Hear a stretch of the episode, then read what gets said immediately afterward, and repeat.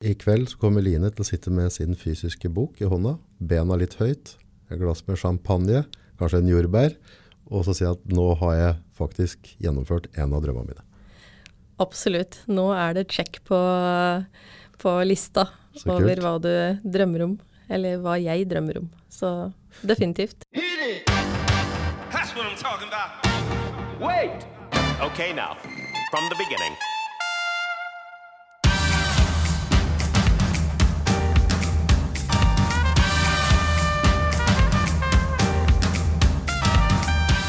Tre, to, én. Velkommen til Nordpodden, Line Østerhagen. Tusen takk. For dere som ikke kjenner Line, så Det er ikke så lett å pakke dette inn i eh, en liten eske, tenker jeg. For det, altså, du er jo i fare for å høre litt sånn der mainstream ut, altså en gründer. Altså, du, du har starta ting, og du har gjennomført ting, og du har jo utvikla deg sjøl vanvittig de siste åra, med videreutdannelser og businesser. Og ikke minst så vil jeg kalle deg litt sånn guru innen det med online business. Der er du liksom top notch nå. Ja, begynner å få det til nå, altså. Ja, Og det er kanskje litt mer i tid nå. Jeg tror kanskje nesten at jeg var litt vel tidlig ute. Mm. Men det er jo bra nå, fordi nå har jo jeg veldig mye erfaring på det, og kan, eh, kan bruke det. Det har jo vært veldig nyttig nå i tida med korona og alt dette her òg, og folk blir mer og mer vant til og, og glad i eh, dette her med å kunne lære ting online. da. Men eh, altså være med tida online, du er jo ikke 20 år du heller, da? Nei, Nei. overhodet eh, ikke. Så det er jo litt sånn, jeg, jeg lar meg imponere litt, for det, altså, vi er jo i en aldersgruppe der det ikke er så supernaturlig å, å på en måte bare pense over og bare dele informasjon. Altså den måten du gjør dette på er jo sånn dem, dem som lykkes best i USA og rundt i verden. Altså det er en annen type mindset på hvordan du deler med kunnskap, hvordan du gjør salg. Ja. Uh, I stedet for den der gamle tradisjonelle, altså ut i avisa med 199 ut måneden. Altså, det er en veldig kul måte å gjøre det på da. Absolutt. Så, så jeg hadde forventet det fra en 20-åring. Ja. Hva er det som fikk deg til å, å tørne den retningen? Det, det første som skjedde, var vel egentlig at jeg um, Jeg tok et online-studie sjøl. Mhm. Og det var et ganske praktisk studie. Eh, det handla om eh, biomekanikk av kroppen. Eh, det betyr åssen kroppen fungerer mekanisk, da, sammensatt. Altså Og- ledd, muskelfester. Yes, Ja. Så det er jo ganske praktisk. Mm. Fordi de fleste tror jo kanskje det at eh, når du skal lære en praktisk ting, så må du på en måte være til stede og gjøre ting fysisk. Eh, det jeg oppdaga, var jo at den her testen på en muskel, f.eks., den eh, kunne jeg da se 100 ganger hvis jeg ville. Og ting jeg syntes var vanskelig, kunne jeg observere at læreren gjorde og forklarte praktisk mange ganger. Mm. Og det gjorde at jeg fikk med meg alt uh, på en helt annen måte. Og jeg forbedra karakteren min. Jeg fikk faktisk toppkarakter på det studiet.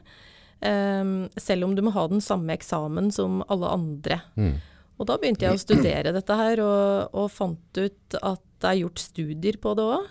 Eh, som viser det at online-studenter, de har gjerne eh, bedre karakter når de fullfører enn eh, de som ikke har det. Det krever nok kanskje noe mer sjøldisiplin når du skal studere online, Ja. men det gir jo helt eh, nye muligheter. Ja, men se muligheter her, så ikke minst i, eh, vi alle har en hverdag, og det er unger, og det er skole, det er ting som skjer. Eh, og da kan jo fort den drømmen om å begynne å studere et eller annet gå ut av vinduet, for jeg må faktisk bo så og så mange uker i året i Trondheim. Altså, det er en kabbal. Nå kan du ta det på råskap på kvelden, eller tidlig på morgenen, eller i helgen, og, og faktisk kjøre til fotballtreninger, og ha den daglige drifta du har hjemme attåt. Ja, absolutt. Og jeg tror det blir mer og mer nødvendig eh, i hverdagen til folk. Å kunne få lov til å disponere tida si mer sjøl. Jeg tror det ikke bare er nødvendig, men jeg tror det har en verdi da, for folk. Mm. At eh, de kan leve mer det livet de føler at de kan, fordi de ikke er så oppbundet til, til mye. Og det er klart det at for enkelte så kan det nok være mer, eh, mer greit med læringa. At de kan få dele det opp i bolker. Lære når de sjøl føler at de er opplagt til å sitte og ta imot eh, læringer, i stedet for å måtte måtte ta det inn akkurat ei helg eller akkurat over fem dager, eller sånn som det gjerne fungerer når du er på litt sånn intensivkurs og sånn. Mm. Jeg tror det er veldig mange mm, visjoner, drømmer, ønsker som blir drept av praktiske utfordringer. Altså av at ditt og datt, altså, så fikk jeg ikke gjort dette der. Og, og der tenker jeg sånn, der, liksom, altså den der internettverden vi lever i nå, den åpner jo opp muligheter. Og jeg ser bare hva den har gitt til meg gjennom YouTube. Så det er en Ja. sånn utømmelig kilde av god informasjon. Det er altså så mye vakre, flinkere mennesker som deler av kunnskapen sin, som jeg kan liksom bare tappe inn på. Og, så, og så er det gratis, jeg kan høre, og så kan jeg høre det når jeg er motivert. Ja, og det er jo det fine eh, når du er en eh, idealist, sånn som meg òg, så, så er det mm, Mitt mål har jo alltid vært å gjøre verden bedre for hester og hunder. Det er jo det jeg jobber med. Ja, Eh, og eh, når jeg kan gå online og nå folk via nett, så når jeg for det første mange, mange flere med budskapet mitt. Mm. Og jeg har muligheten til å gi noe til, eh, til de som kanskje ikke kan ta kurs også. Eh, fordi jeg kan spre informasjon som er veldig nyttig, og på den måten så, så kan jo folk bli kjent med meg og finne ut om de har lyst til å vite mer om det jeg driver med, eller er interessert i temaene som jeg underviser i. Uh, og jeg kan få mange følgere som, uh, som drar nytte av det som jeg kan dele gratis òg. Så det er jo en fantastisk eh, vinn-vinn egentlig for alle parter. Men altså, vi, hvis vi hadde gått sånn fem-seks år tilbake igjen, Mm. så er det nok veldig få som har hatt trua på den businessmodulen du jobber og lever av nå. Mm. Eh, med tanke på nei, altså folk må se det fysisk, må ta i gampen, altså, altså den tingen der. da. Men hvis vi skal ha litt sånn spåkjerringer, for nå har jo, dette- har jo gått i et rasende tempo. Folk har vent seg til å ta online-kurs på en helt, helt annen måte bare nå de siste åra. Så har vi vært i den tida vi har vært nå med korona, og det er Teams, det er Zoom, det er Skype. Folk begynner å møtes. Jeg hadde, var det i går, foregårs, så hadde jeg et foredrag for noen noe pedagoger som drev skulle ha noe videreutdannelse. Så sitter jeg bare på kontoret her og gjør det via Teams. Tenkte ikke å reise et fysisk sted. Men hvor tror du, tror du næringa og, og handlingene til folk forandrer seg nå? Altså har vi, har vi fått en kickstart på dette med kursing, møter online? For nå er det fryktelig mye mennesker i Norge som har vent seg til å gjennomføre et effektivt møte online. Ja, jeg tror kanskje at for online business generelt så har jo eh, korona ført til store endringer, rett og slett. Og det er vel ingen som har eh, satt seg så mye inn i det å lage online-kurs og online-business som i den perioden her, tror jeg. Jeg har jo sett at det har kommet opp veldig mye nytt. Eh, så det kan jo på sikt ha vært veldig bra òg. Eh, folk oppdager muligheten for seg sjøl. Eh, kanskje få mindre sperrer. Og så er det jo fint at enda flere oppdager det fine med det. For oss som driver med det, i hvert fall. For det er jo ikke bare negativt. Nei, absolutt ikke. Og selv om vi på utdanninger og sånn nå fremdeles har noen fysiske samlinger hvor de lærer seg enkelte ting da, som er fint å ta, ta der, så er det jo genialt å kunne legge alt det som er teoretisk, men også, eh, som jeg nevnte i stad, film av alt det praktiske, sånn at de kan se det igjen og igjen. Kan til og med nå i den digitale verden vi har, så kan de jo ta opp telefonen din mens du er i stallen og se en av undervisningsfilmene mens du øver på hesten din f.eks. Ja. Så det er jo helt fantastisk. Har læreren med deg overalt, rett og slett. Ja, har den i baklomma. Ja. Men det, det du driver nå, det, det var jo ikke gjort i en håndvending. Altså, du har vært, du har vært sta, og du har vært umulig. Du, altså, du, har, du har kjørt hardt nå, og, og det ser jeg på en måte dem som lykkes online, eller altså lykkes, det hørtes veldig cookie cutter ut, men, men dem som får det til, og, og får det faktisk til å bli en, en levelig business, er dem som har drevet noen år, og så har de drevet på jevnt og trutt, jevnt og trutt. Delt innhold. Og der har jo du virkelig skilt deg ut med det med å skrive blogger, du legger ut informasjoner, og du har eh, forum der du på en måte engasjerer deg. Du har, jo virk, du har jo virkelig gjort jobben over en lengre tid. Hvor lenge har du jobba aktivt nå, føler du?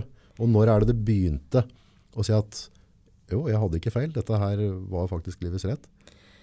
Det begynner vel å bli rundt åtte år siden. Jeg produserte liksom mitt første online-kurs, men Ja. da var det kun internt da, for de elevene vi hadde. Um, men så begynte vi å lage mindre kurser for uh, hesteeiere og hundeeiere, som uh, vi solgte også til, uh, til, andre enn bare studentene våre. Um, og jeg gjorde egentlig ingenting med det sånn aktivt for å få solgt det, det bare lå der på hjemmesida mi en stund. men for en fem-seks år sia, da begynte jeg mer aktivt å gå ut med med de her online-kursene, da, som uh, først og fremst. Og etter hvert så har vi også gjort flere uh, deler av, on, uh, av, utdanningene våre, spesielt teorien, men også laget videoer av praksisen og lagt ut på online-kurs. Så i hvert fall i seks år omtrent så har jeg vel jobba jevnt og trutt med å dele på sosiale medier. la folk bli kjent med meg og det jeg har å tilby. Um, og det ser ut til å ha funka bra. Ja. ja. Når du, det, har du et sånt punkt der du skjønte at uh, nå driver min arbeidshverdag og nærmer seg det målet jeg satte meg for type seks år siden? Ja, jeg tror uh, for et års tid siden så begynte jeg å tenke de tankene. Da følte jeg at nå begynner jeg å komme her hvor jeg skal være. Ja. Og det er en god følelse å kunne hjelpe på en måte enda flere. Fordi at uh, via online-kurs og sånne ting, så har du muligheten til å nå enda flere enn du har på et fysisk kurs. Du mm. har liksom plass til 10 eller 20 kanskje i klasserommet, mens uh, på online så kan det være 50 for den saks skyld. Mm. Um, og vi har jo flere lærere enn meg selvfølgelig som følger opp uh, studentene. Så, så, definitivt. Det er det er fint å kunne spre budskapet enda mer, og det var litt av målet mitt òg. At, uh, at jeg skulle spre kunnskap, da. Mm. Fordi det gagner jo dyra. Mm. Men det, Amerika, hva er det amerikanerne sier? No such thing as a free lunch. Ja. Det å, å, ta en plass, for du får ikke en plass på sosiale, du tar jo en plass på sosiale medier, så får du òg litt hat. Du får òg mange som ikke har trua på deg og ikke er enig med deg. Uh, du må jo ha hatt noen runder der du liksom bare lurer på hva er dette jeg vil? Ja, det, spesielt i starten. Ja. Uh, jeg tror ikke jeg var forberedt. Uh, kanskje jeg er litt sånn naiv bygdejente fra Brumunddalen som ikke trodde at folk var så slemme Nasty. som de kan være. Ja. Og heldigvis er det bare enkeltindivider, da. De aller fleste er jo veldig hyggelige og konstruktive. Mm. Men men ja, i starten så fikk jeg noen eh, henvendelser som jeg fikk helt sjokk av, rett og slett. Og begynte å lure på om vil jeg egentlig utsatte meg for det her. Og det var jo da jeg måtte, i tillegg til på en måte å tenke hvordan jeg kan bygge opp firma, og også tenke på hvordan kan jeg bygge opp meg sjøl og min mentale evne til å takle dette her på en måte. Så i hvert fall for meg så var det sånn. Og det var sårt. Det er sikkert andre som bare gir blaffen i det, men men uh, for min egen del så måtte jeg faktisk gå noen runder med meg sjøl, og, og, da fikk jeg hjelp. Veldig kjekt å ha uh, være i grupper med andre gründere som, uh, som, gjør at du kan høste erfaringer fra de som har gjort det før deg. Og i andre land enn Norge så har jo online business eksistert mye lenger. Mm. Um, så jeg brukte mye coach da, fra ja. utlandet for å hjelpe meg med de utfordringene. Så det, var, eh, det hjalp veldig. Og nå må jeg si det at jeg, jeg gir blaffen, rett og slett. Ja, men det, det er på en måte en sånn eh, en aggressiv melding, eller altså tilbakemelding. Det er, alt er jo tid og sted. Altså Hvis du har en heftig regningsbunke, du har en unge som ligger med feber, du henger etter på jobb, du er sliten, du driver og skal levere en X. Altså Hvis alt kommer samtidig, og så får du den der attåt der. Kommer den nå i dag, så sitter du i en annen posisjon. Nå har du en annen erfaring, du har andre kort å spille med. Men jeg tror det er, liksom, det er da det er som make it or break it. At du får noen sånne point der liksom alt er stacka opp mot deg. Og så kommer jeg og er bare helt grusom mot deg attåt. Det, ja. det, er da noen tror jeg faller av den vogna og så sier at jeg følger ikke den drømmen her. Ja, jeg tror det er fort gjort å gi opp. Uh, og det er vel den egenskapen en gründer trenger aller best. Det er vel å aldri gi opp, mm. på tross av uh, motgang. For det har jo ikke bare vært uh, pluss med alt annet heller.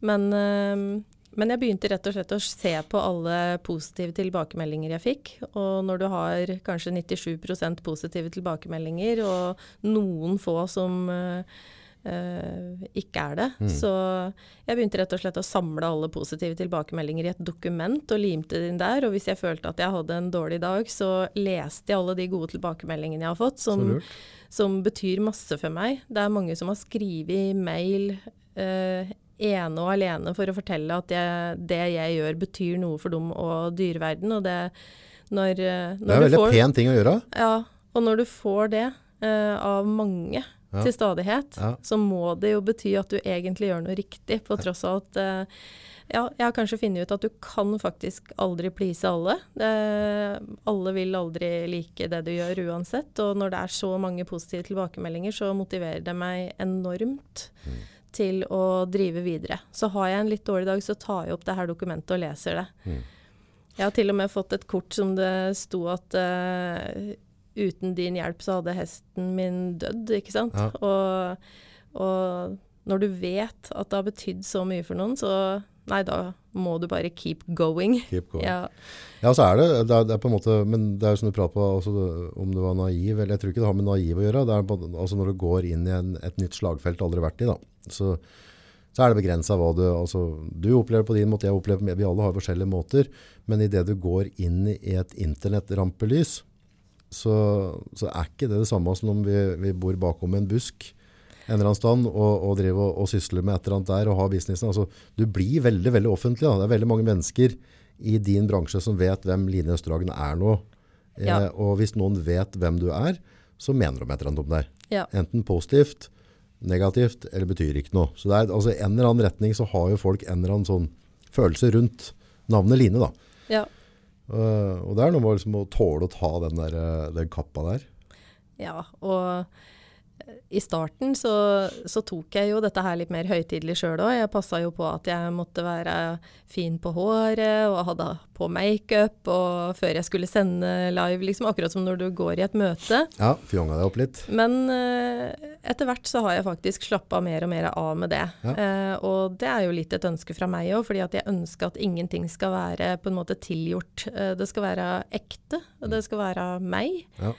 Eh, slik jeg er i de situasjonene som jeg eh, forteller om der. Er jeg ute på tur i skogen og har stått opp sju om morgenen for å gå en time i skogen, så har ikke jeg verken dusja eller sminka meg, og, og det er helt greit. Mm. Eh, nå gjør det meg ingenting. Jeg er på en måte den jeg er, og, og prøver å være ekte, og, og det er litt viktig for meg òg. Jeg har du ser jo på Instagram, så er jo liksom trenden at du skal være så perfekt, at det Ja, må være veldig flott og fint.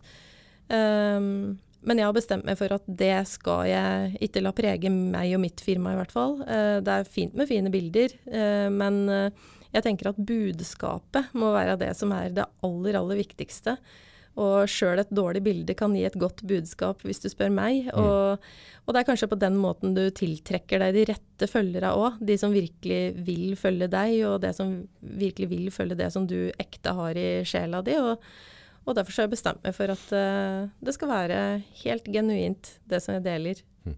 Det er jo litt interessant, for det, vi har jo, i Ringsaker så har vi mange skatter, Uh, og du er jo en av de gründerskattene som veldig mange, i Ringsaker er egentlig ikke klar over hvor yurts du er da, i ditt felt. Altså her nå i Mjøskanten i Brumunddal, du har tatt ditt domene, og du er veldig, veldig langt fremme der. Det er masse gründere som kunne høste av dine erfaring på en måte det å drive fram en nettbutikk. Du har på en måte du har maillister.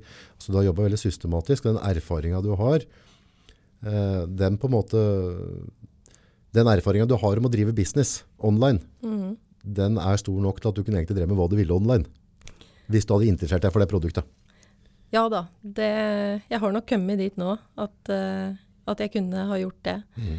Um, men det er klart, jeg ser jo ikke akkurat på meg sjøl som noe, noe gründergeni sånn sett, men, eh, men eh, utholdenhet og lidenskap har jo, har jo bidratt til å få meg dit jeg er, og veldig glad for det. Jeg har vært heldig òg, fordi at jeg har fått lov til å jobbe med mange store eh, coacher, rett og slett. Business-coacher som har hjelpa meg. Og, og det har vært viktig for meg å ha litt hjelp, eh, ha litt spark bak, kanskje. Spesielt i dårligere perioder, eller når det har skjedd et eller annet. Da. Så det har vært veldig godt å, å ha. Og jeg passer alltid på nå at jeg lærer fra folk som er bedre enn meg hele tida. Og det, det er veldig verdifullt. Veldig en glup måte å gjøre det på. Ja, Ja, det er egentlig ganske enkelt dette her. Barn på en måte følger en viss oppskrift og ikke gir opp. ja, Enkelt, det, høres ut, altså, er jo jobben skal gjøres, men det er, no, det er, det jo noen grunnfundamenter som må ligge på plass da, skal en få det til. absolutt. Men en ting er da intranettet, og altså, du driver da med, med dyr, ikke sant? Det er i hovedsak hund og hest. Yes. Yes, og det er mye opptrening, og det er stretching av muskulatur. Altså det er på en måte dyrets helse og atferd det går i stort sett. Ja, ikke så mye atferd kanskje, annet enn å knytta til eh, trening og smerte og sånne ting som er relatert til kroppen. Men uh, fysikalsk behandling, uh, forskjellige metoder, massasje, tøying. Uh, og så er det jo trening, treningslære. Mm. Dette her med hvor mye aktivitet hun skal være og ja, alt det rundt fysisk aktivitet egentlig, som jeg er veldig opptatt av. Så har du toppa hele skiten med å skrive bok nå. Ja. tenker liksom, nå har du tussa seg for å nå, nå må det være bra, Lide. Nå, nå får vi roe oss litt ned. Nå har du masa nok i noen år. Men så drar du på ei bok. ja. Ja, Jeg har drømt om å skrive ei bok i mange år. ok. Åssen kan du Eh. drømme om å skrive ei bok, egentlig? Det høres ut som mye arbeid. Ja, det, det er det virkelig. Eh, Ja. Og hadde jeg visst hvor mye jobb det var, så hadde jeg kanskje aldri turt å sette i gang med prosjektet. Ja. Eh, boka mi ble veldig lang òg i forhold til det mange bøker er, eh, men jeg følte at eh, den måtte inneholde det den inneholdt, da. ja, så er det boka di. Eh, Så er den lang eller kort, det er opp til deg, for det er din bok. Ja. Og, og jeg tror det at eh, for mange så kan det å ha ei fysisk bok være nyttig. Den kan du ta med deg overalt. Du kan slå opp i den. Du, du har den liksom for alltid. Eh, og det er jo ehm, det er jo en ny måte å nå ut på, fordi at eh, det er jo ikke alle som nødvendigvis vil ta et online-kurs. Og, og jeg tror at selv de som har tatt online-kurset, har kjøpt boka mi nå. Og, og, og er veldig fornøyd med det, fordi at da har du på en måte litt sånn et fysisk produkt du kan holde i hendene og slå opp litt i og bruke i mange år, egentlig. Så, så begge deler er verdifullt på sin måte. Eh, Men når du skriver ei bok, da. Det, er liksom, det er skrevet i en bok. Altså, du skal være ganske trygg på det du skriver, og det er ganske mye faktasjekk. Altså, når du har trykt det, altså, har vi posta en blogg, skal vi gå inn og delete, eller vi kan gjøre om, og så har du solgt boka til meg, så er den i bokhylla. Ja. Og har du gjort en sleivert der, så er den der de neste 20 åra. ja. Det må du følge på. Absolutt. Ja. Eh, og det er jo en av grunnene til at jeg både har oppsøkt og vært så utrolig heldig at jeg har fått noen av de beste fagfolka som finnes på områdene, til å faglig sikre de delene som eh, bl.a. dreier seg om eh, eh, sykdommer i bevegelsesapparatet. Der har jeg en veterinær som heter Lennart Sjøstrøm, som er en av de største ortopeda som, eh, som er i, i Europa, i hvert fall, til å gå gjennom det. Eh, jeg har hatt eh, en som heter Stefan Rosén, som er en av de største på rehabilitering i Norden, som har kvalitetssikra den delen som dreier seg om rehabilitering. Eh, Så jeg har vært eh, veldig, veldig heldig som har hatt så mange. Og det er ikke bare de, altså. Jeg har hatt eh, mange andre fagfolk som bl.a. har skrevet litt gjesteartikler, eller som har hjelpa meg med forskjellige deler i boka. Som, eh, som kanskje de har som sitt eget spesialfelt. Så har jeg, har jeg prøvd å få litt hjelp til å kvalitetssikre og, og være sikker på at det er riktig. Men det er klart, man eh, man eh, er jo alltid redd for at det skal være et eller annet eh, Også skrivefeil, bare. Ikke sant? sant? Sånn, når, du, når du har sendt den til trykken. Men eh, vi har bearbeida den så mye og så bra nå at jeg tror definitivt at det er et bra, et bra kvalitetssikra verk som jeg har levert. Um, og jeg tror òg at det kan åpne øya. Jeg har jo gjennom utrolig mange år, når jeg har tatt imot uh, pasienter og behandla eh, med fysikalsk behandling sjøl, og rehabilitering kanskje særlig, på hest og hund. Eh, nå er det jo hund som jeg har skrevet om i boka. Den dreier seg om hund. En hestebok får komme senere. Ja. Akkurat nå må jeg ha en liten pause fra bok. Du er ikke klok av skade. Altså, så du, du, Jeg må bare ut med en bok til hesteverden nå. Og det, grunnen til det er jo det at jeg har sett at på vanlige hundekurs, eller på til og med valpekurs, ikke sant, så lærer de veldig mye om øvelse og hvordan du skal lære hunden din forskjellige ting. Men de lærer ikke hvordan disse her eh, øvelsene påvirker kroppen. Hva kan valpen egentlig tåle fysisk når den er eh, liten? Når kan hunden begynne å trekke noe, f.eks., eller bære noe? Uh, hvor mye aktivitet kan den gamle hunden ha? Veldig mye av det her. Og hvordan du skal få balanse mellom uh, styrketrening og utholdenhetstrening og koordinasjon og balanse. I hvert fall de hundene som uh, er idrettsutøvere, da. For det er mange hunder som er det. Og jeg har sett det at det er så mye kunnskap som mangler, og som kunne ha gjort at dette her blir en bedre verden rett og slett for hunden hvis eierne får vite om det. Og jeg har lyst til å starte med eierne. Jeg tror det er det viktigste. Fordi når eiere også begynner å stille spørsmål om forskjellige ting, så skjønner òg mange hundeinstruktører og sånn at det kanskje er ting jeg også burde oppdatere meg på. Og så vil dette her spre seg. Eh, og det er mye myter eh, ute i hundeverden om hva en valp tåler f.eks., eller hva slags lidelser som er arvelige og sånne ting. Og dette her har jeg prøvd å belyse i boka mi, slik at det på en måte skal være den pakka med kunnskap som man ikke får noen andre steder enn eh, enn i boka, da. Og forhåpentligvis blir det tilgjengelig kanskje flere steder nå, etter hvert. Ja. Men, eh, men jeg tror at dette her for alle hundeeiere, så er dette her veldig aktuelt. For alle er jo sjeleglade i hunden sin. ja, det er derfor de kjøper disse bikkjene Ja, ofte. Og det er jo ofte et familiemedlem i, helt fullverdig, så eh, jeg tror at dette her er kunnskap som alle kan ha glede av. Ikke bare de som driver aktivt, men også de som har en ung hund eller gammel hund og sånne ting.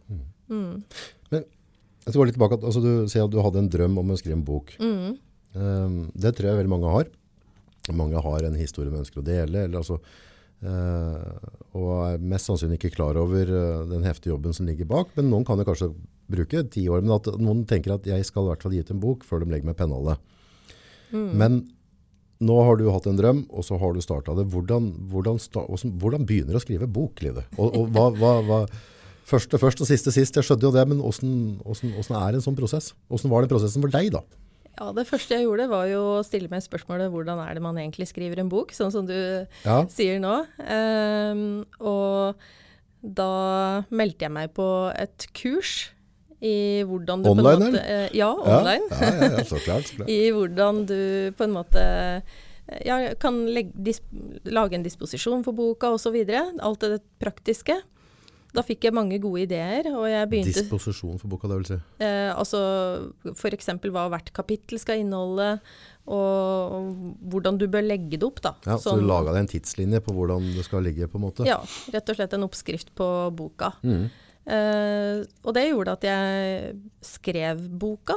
Uh, jeg fikk jo egentlig litt sånn pes for at jeg skrev en litt lang bok, men jeg følte absolutt at uh, det jeg hadde der, måtte være med. Um, og da fikk jeg hjelp av et firma som hjelper forfattere gjennom denne prosessen med em, ja, for den som ikke har skrevet bok, og det var jo nytt for meg òg, men du må ha flere runder med det som heter redaktør, som skal lese gjennom for at du har vinkla det riktig, at, eh, at det du har skrevet skal forstås riktig da, av alle. At det ikke kan misforstås. Og, Ja, for dette er jo litt sånn og, og det er jo rart, altså En ting er på en måte misforstå sånne greier der, men jeg hvis nå leser ikke jeg mye bøker, jeg har mye lydbøker, men jeg har lest noe. Men noe, noe flyter bare rett inn i skåla på meg, og andre ting blir veldig sånn stakkato. Altså sånn, ja. at du begynner å gjespe litt, liksom, og dette var trått. og det er jo faget jeg skriver om, så det var viktig for meg at eh, det selvfølgelig skal inneholde fag, men at det er lett å lese og lettforståelig for den som skal ta det imot, i og med at det er retta mot hundeeiere først og fremst. Eh, Så redaktøren hjelper jo med dette her, og dette her må gjennom i mange runder. Eh, Så skal du ha noe som heter språkvasker, som skal sørge for at språket er bra. Og så skal du ha korrekturlesing osv. Det er mange sånne prosesser som boka skal gjennom. Og da har du innleide folk. Da må jeg ha profesjonelle folk, for jeg vil jo ha en proffbok, og da har jeg leid inn profesjonelle folk til Ja. å gjøre dette her, sammen med meg. Uh, og så har du jo sluttprosessen hvor du har designer som lager cover, som setter inn bildene og lager på en måte utseende og oppsette, mm. alt dette her på boka. Og mm, jeg fant jo ut, da. Jeg trodde at jobben med å skrive bok var å skrive boka. Men jeg fant jo ut i ettertid at det er 10% av jobben. 90% av jobben ligger i all den her redigeringa og, Og ja, jeg, jeg ble lei av å se etter skrivefeil til slutt, f.eks. Men eh, Det blir litt sånn som med filming da. Altså, altså klart filming, altså, det blir jo ikke bedre enn det vi filmer. Altså på en måte innholdet i filmer, det er på en måte det som setter rammeverket rundt det vi skal lage av en film. Men det er jo i klippinga, i redigeringa etterpå, det er da du på en måte skaper filmen. Og legger tempo på den, du legger på musikk, altså hvilket uttrykk, der har du veldig masse å gå på. Så det blir jo litt samme egentlig. At da har du på en måte, altså skrivinga, det er vår filming, du har et godt innhold, og så på en måte renvasker du det til å bli forståelig. ja. Ja, definitivt. Og jeg er veldig glad for at jeg hadde god hjelp. Hadde virkelig dyktig og profesjonell hjelp. Og det, det håper jeg at har bidratt til å gjøre boka eh, veldig bra. Det er jo det som har vært målet mitt. Um, så det har vært en stor, stor prosess, men jeg har blitt kjent med veldig mange flinke folk. Og nå tror jeg at bok nummer to vil gå veldig mye lettere enn bok nummer én. Du vet hva det går til. Ja, definitivt. Men uh, tidslinja er start-stopp på den boka. Når, uh, når bølja det veien, og når uh, slo du spikeren i bordet? Um, nå kom boka mi til Forlagssentralen i Norge. Det er de som sender ut bøker til de som bestiller. Ja. I går, Oi, oi, oi. Uh, den fysiske boka. Ja. Vi har jo hatt e-bok. Uh, men så nå, nå er den jo i på en måte ordinært salg i alle nettbokhandler og sånne ting. Eh, men eh, hele prosessen har vel tatt eh, fra jeg starta første ordet til nå når den kom i bokhandelen, så har vel tatt ca. ti måneder. Da var det ganske effektiv. Eh, det er effektivt. Det visste jeg ikke, men jeg fikk beskjed i ettertid at det er vanlig å bruke minst ett og et halvt år da, på en sånn bok. Så, så jeg har jobba mye. Ja. Det har spist opp mye av døgnet det siste tida. Det har det. Har det vært gøy? Det har vært gøy òg. Ja. Det har det. Så er det noe med at nå har du på en måte en sånn sjekkmark. Jeg har laga en bok. Absolutt. Ja. Det er, eh, når jeg nå får eh, den fysiske boka i hånda sjøl, det Mhm. får jeg vel i dag, har jeg fått beskjed om, Nei, nei. så, så må det feires litt, da. Ja. Ja. Er det, og det å være forfatter, er det en beskytta tittel? Er det noen regler på når en kan kalle seg forfatter eller ikke forfatter? Nei, jeg tror ikke det er noe sånn beskytta tittel sånn sett, men du må jo nødvendigvis ha gitt ut en bok eller noe litteratur, da, mm. for å kunne si det. Mm. Ja. Så da er du egentlig forfatter da? Ja. Tenk på det. ja. Jeg hadde ikke trodd for ti år siden. Nei, ikke jeg heller. Det er morsomt. Ja, det er veldig morsomt. Men uh, hvordan har du klart å holde den, eh, det som vi nevnte tidligere, altså det er jo på en måte businessen er jo veldig online. Eh, du driver med masse spennende der. Mm. Eh, og så har du klart å balansere dette med bok. Har du, har du klart å holde taua stramme på, på den andre fløyen av businessen? Ja. Eh, jeg gjorde et viktig steg. Det, det er sikkert viktig å legge til, og det er at jeg har ansatt en person som hjelper meg med mye. Ja. Eh, og det har vært gull verdt. Det har jeg vel egentlig skulle ha gjort før, kanskje, ja, ja, kan man si. Ja. Eh, men eh, men eh, jeg har ansatt ei som er kjempeflink. Uh, og det er så gull. Mm. Når du har en dyktig me medarbeider, mm. så kan du slappe litt av. Mm. Jeg har jo opplevd uh, både og, og det er klart at når du hele tida føler kanskje at du må overvåke alt arbeidet som blir gjort, så Mm. blir det ikke noe fritid allikevel. Men eh, eh, nå som jeg har hatt en veldig dyktig medarbeider, så vet jeg at jeg kunne slappe av med at ting blir gjort, og det har vært eh, veldig, veldig fint. Så det, det var gull. Så bra. Han må, han må stelle seg til så at han overlever dette, for det, han er jo bare et menneske. Og det går jo utover energien, så jeg tror liksom det der, finne denne vekta med å puste litt i, i bakken. Eh, Der sliter jeg veldig sjøl, med at jeg liksom plutselig går på at jeg har ikke noe hobbyer. Jeg, altså, det, det, det blitt glemt. Altså, hobbyen min er jo dette her. da. Jeg syns det er veldig stas å få lov til å drive med det jeg driver med. Men, eh, men litt lenger ut i løypa så er det noe med å, å ha folk rundt seg som kan være med å støtte og hjelpe på visse ting. Og at du får dette litt sånn break-time da. Definitivt. Og jeg har en familie som er fantastisk, som stiller opp i alle retninger og lar meg på en måte få lov til å uh, være i de prosessene som jeg trenger å være i. Så det har vært helt gull verdt. Eh, men så er jeg òg eh, Ja, jeg er en som gjennomfører. Mm. Så jeg har satt meg bestemte mål for hvor mye jeg skal skrive hver dag og uke. Mm. Eh, selvfølgelig så kan det skje at jeg må omdisponere, men da, da tar jeg det igjen på et eller annet vis. Mm. Og de sa det jo inne på, eh, hos de som hjalp meg med boka òg, sånn rent praktisk, at det var svært sjeldent at de hadde forfattere som hadde levert absolutt alt etter avtale hver eneste gang. Så, så det, det må jo til litt eh, mindset, da, for å Litt disiplin. Ja. Ja. Litt sånn uh, gulrøtter foran en sjøl. Altså det er noe med altså det mindset du prater det er veldig veldig viktig. og det er Jeg tror det er kanskje fundamentet i en god butikk, og det er fundamentet i et godt liv. Eh, Det er fundamentet i en god mental helse. Eh, Men ved et eller annet tidspunkt, da, i det du hjelper veldig masse andre mennesker, eller at du på en måte du, du er veldig involvert i andre menneskers liv, om det er dyra deres eller altså på, så går vi sjøl litt på, på lut og kaldt vann. At vi, vi ender opp med å, å glemme å, å sette av litt sånn Å dyrke seg sjøl, smøre ledda litt, altså, Ja. og så bare ta inn en service. Ja, og det begynner jeg å bli god på. Eh, selvfølgelig kan alltid bli bedre på ting, men, eh, men det, det jeg har gjort, er at jeg har satt opp små belønninger til meg sjøl som skal motivere meg litt. Oi. Litt som sånn hundedressur. Absolutt. Ja. Um, og uh, i tillegg så passer jeg på at jeg, jeg har eh, ikke latt uh, hobbyen min gå på bekostning av uh, det jeg har gjort. Jeg trener jo mye hund. Mhm.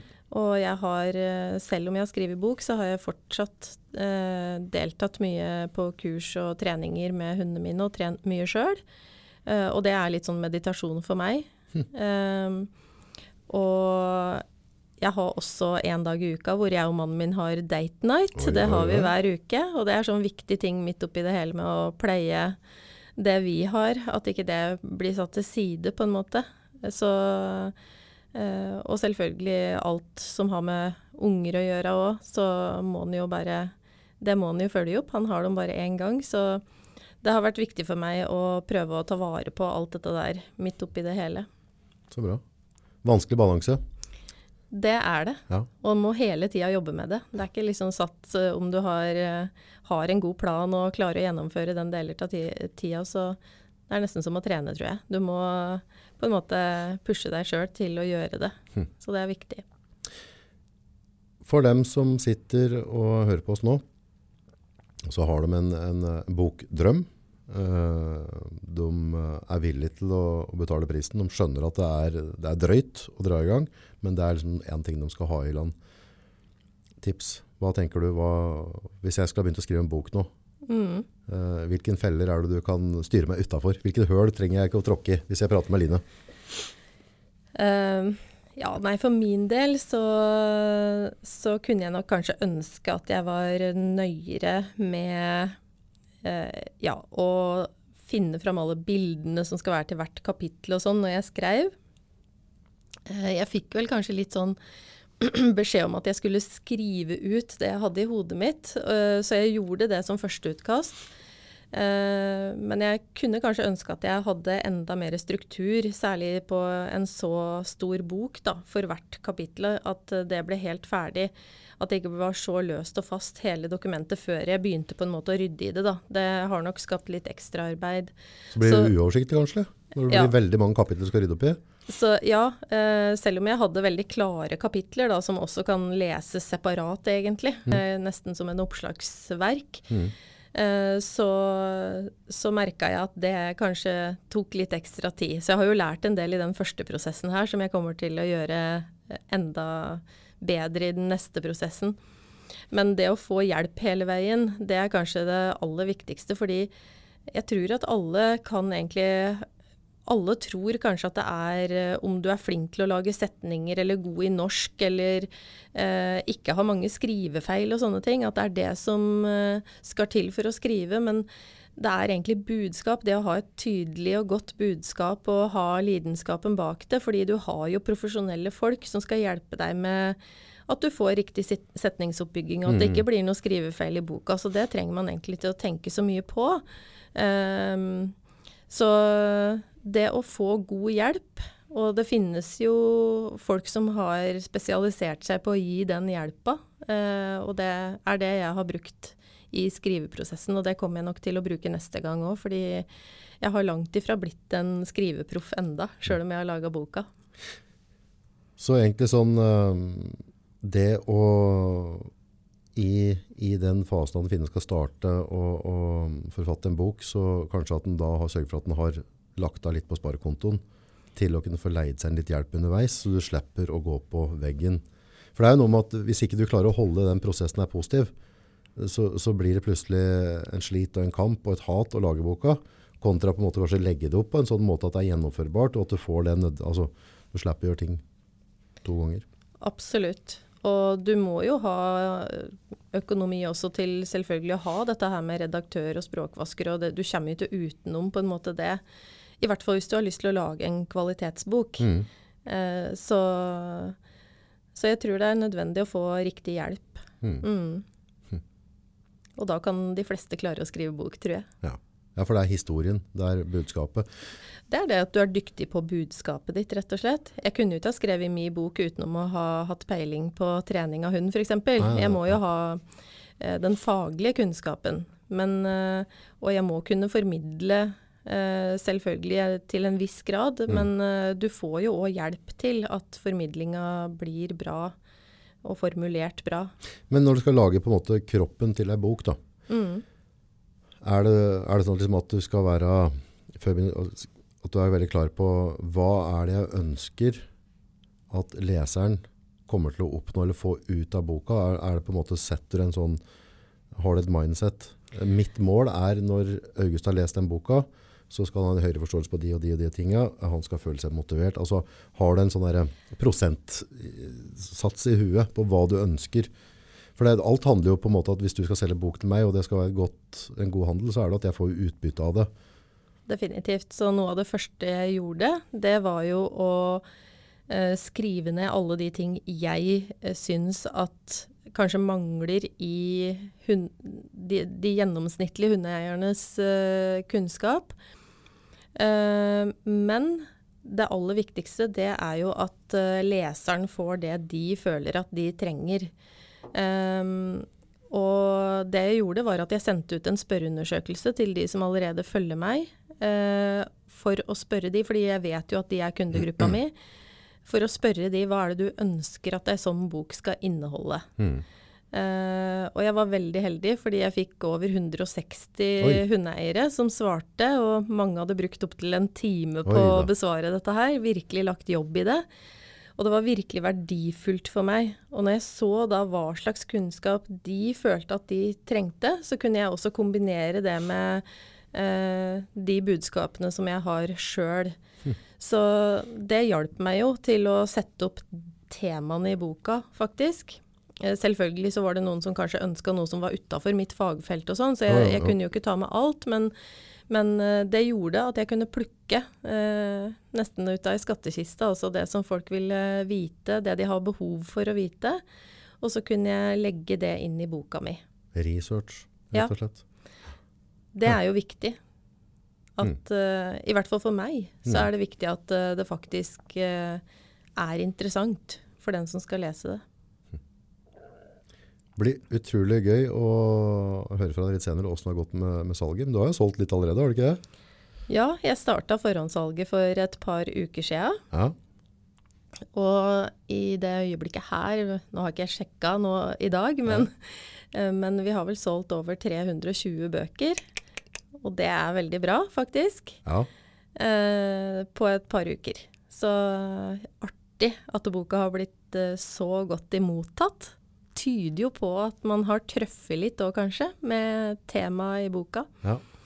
Så det blir veldig spennende å se hvordan dette går framover. Nå har den jo kommet fysisk i salg eh, også, Mhm. i nettbokhandler og rundt omkring. Så det blir veldig artig å se nå framover hva som skjer. Så i kveld så kommer Line til å sitte med sin fysiske bok i hånda, bena litt høyt, et glass med champagne, kanskje en jordbær, og så si at nå har jeg faktisk gjennomført en av drømmene mine. Absolutt. Nå er det check på, på lista over hva du drømmer om. Eller hva jeg drømmer om. Så definitivt. Da skal du kose deg veldig med jordbæra, sjampanjen og boka di, for det er vel fortjent. Du har gjort masse arbeid, og jeg håper at den selger utrolig godt. Takk for det. Takk, takk.